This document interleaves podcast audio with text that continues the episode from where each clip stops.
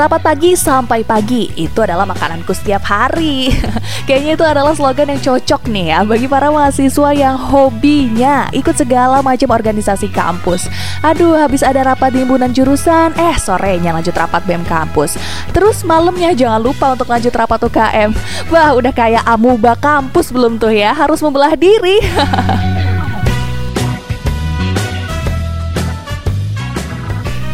Selamat pagi, bareng Rani di sini di podcast Ngopi, ngobrol asik pagi-pagi.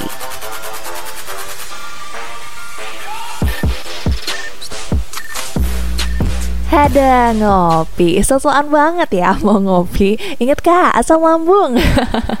Tapi memang biasanya kopi itu tuh jadi salah satu senjata ampuh ya Untuk ngilangin kantuk buat mahasiswa yang demen banget organisasi. Kenapa? Karena biasanya harus melek sampai larut malam Atau bahkan sampai pagi tuh ya Buat mikirin rapat sama program kerja. Aduh, aduh kasihannya. Tapi jangan harap juga ya bisa tidur cepat Wahai kawan-kawan organisasiku. Tapi ngomong-ngomong, siapa sih yang mikir kalau di masa pandemi kayak gini organisasi tuh justru kayak nggak ada kerjaan atau nggak ada program kerja sama sekali. Hmm ayo siapa yang mikir kayak gitu?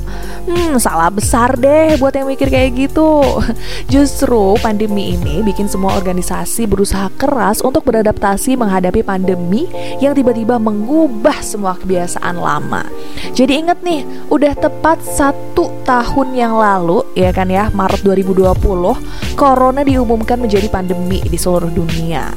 Pada saat itu, semua kalangan, organisasi, komunitas, dan lain sebagainya harus mikir keras nih, gimana caranya biar organisasi, khususnya organisasi kampus, bisa tetap berjalan sesuai dengan kultur dan juga identitas organisasinya tidak hilang.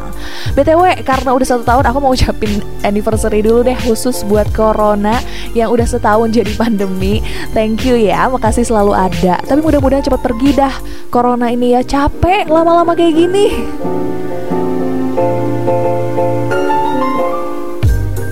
Ngomong-ngomong soal anniversary, ada yang lagi anniversary juga nih di bulan Maret ini.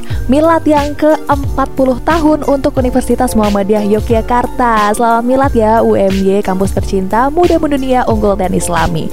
Nah, kalau di UMY sendiri nih, organisasi kampusnya jalan nggak ya selama masa pandemi kayak gini?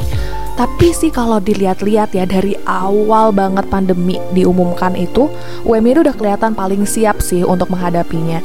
Karena kuliah online juga udah berjalan, kemudian juga segala macam kegiatan-kegiatan online selalu didukung dan difasilitasi. Terbukti di beberapa kegiatan kampus atau beberapa kegiatan yang dilaksanakan oleh organisasi dalam kampus itu sangat didukung oleh pihak kampus karena berbasis online gitu ya untuk mengembangkan bakat dan juga kreativitas para mahasiswanya. Terus ada nggak sih tantangan dan juga tips menjalani organisasi selama masa pandemi ini? Hmm, kita akan bahas ya mengenai tantangan dan juga tips menjalani organisasi selama masa pandemi ini. Kita mulai dari tantangan terlebih dahulu kali ya. Emang nih biasanya organisasi mahasiswa yang ada di kampus itu masa-masa paling berat, paling sulit, paling tertekan di masa pandemi kemarin itu ketika awal-awal pandemi. Bener atau benar? Sekitar 1 sampai 2 bulan lah bulan Maret sampai bulan April 2020. Kenapa? Karena memang itu sesuatu yang dadakan, sesuatu yang membuat semua orang terkejut ya, bingung kita mikirin ke mana nih arah organisasi setelah ini gitu. Bahkan ada juga beberapa organisasi kalau aku dengar-dengar nih ya, ada yang baru aja pelantikan, eh besoknya pandemi. Ada organisasi yang baru aja pemilihan ketua baru, terus baru ada anggotanya, baru disahkan juga program kerjanya. Eh besoknya langsung diliburkan dan PSBB total. Terus ada juga nih kalau dengar-dengar dari cerita temen ya nggak sedikit juga organisasi yang udah siap mengadakan kegiatan besar tinggal hitungan hari lagi deh. Mungkin dilaksanakan bulan April atau bulan Maret udah siap 90% semuanya tapi harus gagal dan dibatalkan Contohnya kayak waktu itu ada yang mau ngadain konser, ada yang mau ngadain lomba tingkat nasional, bahkan acara-acara lain yang sudah menghabiskan banyak waktu dan tenaga para anggotanya dalam segala persiapannya. Tapi memang mau nggak mau kita harus menaati ya peraturan seperti itu, peraturan PSBB untuk menyelenggarakan kegiatan yang tidak um, bertatap muka secara langsung.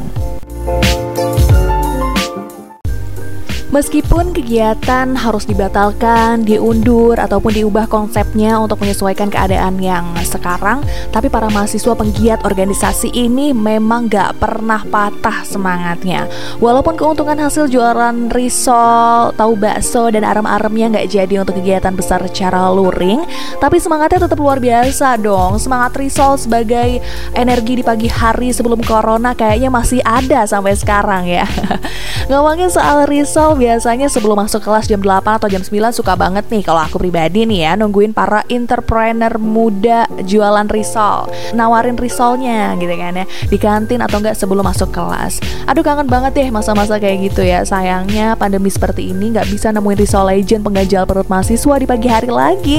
Tapi bener deh, meskipun nggak bisa menjajakan risol, jiwa-jiwa cuan para mahasiswa organisasi ini merambah ke dunia permedsosan. Kalau dulu di kampus kita bisa mengenali para organisator kampus dengan baju dinas atau korsanya ya yang dipakai gagah banget ketika di kampus. Tapi kalau sekarang kita bisa lihat ini orang nih organisator kampus atau amuba kampus tuh dari apanya? Dari postingan Instagramnya teman-teman. Ada nih yang tiap hari post paid promote demi cuan agenda organisasi ada juga yang tiap hari upload poster kegiatannya. Bahkan kayaknya sehari itu bisa ada kali ya lima kegiatan yang diupload. Tapi memang biasanya mahasiswa sekarang nih julukannya nggak cuma sebagai agent of change atau agent of control tapi juga sebagai agent of paid promote. Oke salam mahasiswa ya. Tapi itu memang bagus sih merupakan langkah alternatif yang ditempuh oleh mahasiswa pecinta organisasi untuk memajukan organisasinya di masa pandemi seperti ini ya dengan caranya masing-masing. Oh iya, aku juga mau ngucapin apresiasi dan juga terima kasih buat orang-orang yang sudah mau bertahan dan bekerja sama, pantang menyerah menghidupkan organisasi di masa sulit seperti pandemi ini. Khususnya buat kamu, pemimpin organisasi, uh, para ketua yang saya yakin tidurnya nggak pernah nyenyak ya, karena memikirkan arah organisasinya mau dibawa ke mana. Tapi dalam situasi pandemi seperti ini memang sangat penting untuk memiliki pemimpin yang kreatif dan juga visioner, serta harus mampu dan jeli untuk melihat peluang yang ada. Dibuktikan dengan adanya inovasi dan kolaborasi di dalam organisasi tersebut supaya organisasi bisa bangkit dari keterpurukan.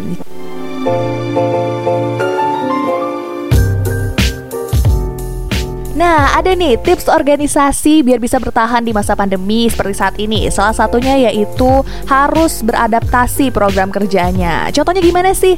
Misalnya, kalau kamu ingin membuat seminar, bisa disesuaikan jadi webinar. Terus kalau biasanya organisasi kamu bikin lomba olahraga, bisa diganti nih jadi e-sport seperti Mobile Legend dan lain sebagainya.